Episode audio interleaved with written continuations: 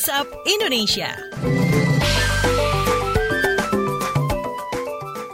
Waktunya kita keliling Indonesia di WhatsApp Indonesia. Kita awali dari Jambi. Pemerintah Kota Jambi menolak memakamkan jenazah pasien COVID-19 di TPU khusus jika kasus kematiannya tidak dilaporkan ke Satgas. Pemerintah kota mencurigai ada upaya menutup-nutupi angka kematian akibat COVID-19.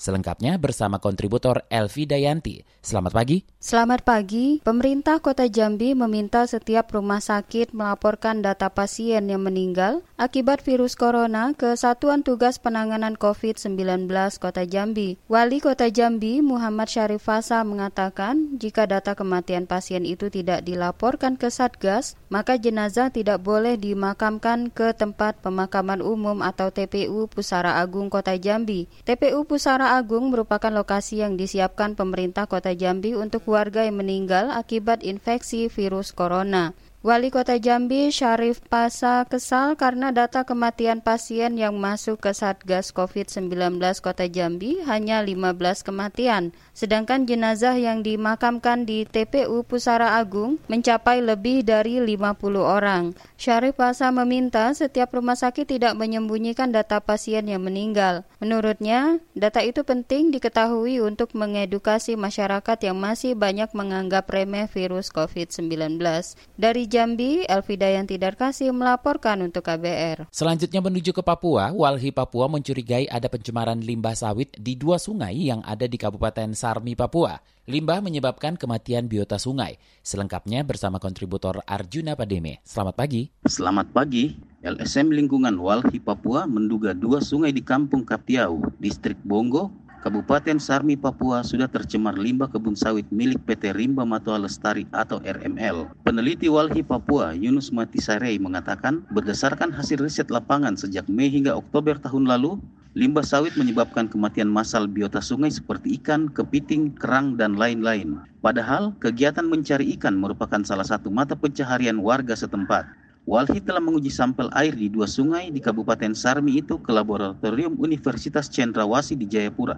Hasilnya, nilai indeks pencemaran air di dua sungai itu masuk kategori tercemar sedang skala 3 dan tercemar ringan skala 4. Peneliti Walhi Papua, Yunus Matisarei mengatakan limbah sawit diduga berasal dari kegiatan operasional PT RML yang beroperasi di distrik Unurum Guai, Kabupaten Jayapura yang berbatasan dengan Kabupaten Sarmi. Perusahaan ini mendapat izin hak guna usaha seluas 26.000 hektar sejak tahun 2000 lalu. Sejauh ini, PT RML baru memanfaatkan lahan HGU seluas 6.000 hektar.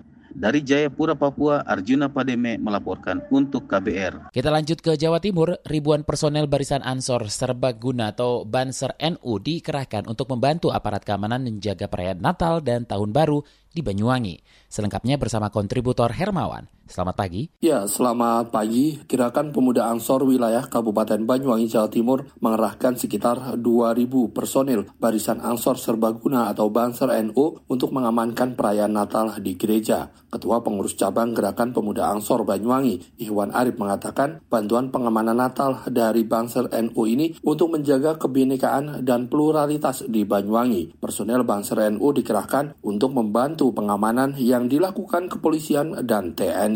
Iwan Arif mengatakan selain menjaga gereja, personel Banser NU juga dikerahkan untuk membantu aparat keamanan menjaga sejumlah objek vital di Banyuwangi selama libur Natal dan pergantian tahun baru. Menurut Iwan, keterlibatan Banser NU dalam pengamanan gereja pada hari raya Natal sudah menjadi agenda rutin tahunan dan merupakan instruksi dari pengurus besar GP Ansor.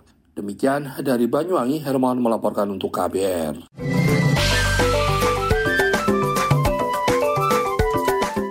WhatsApp Indonesia.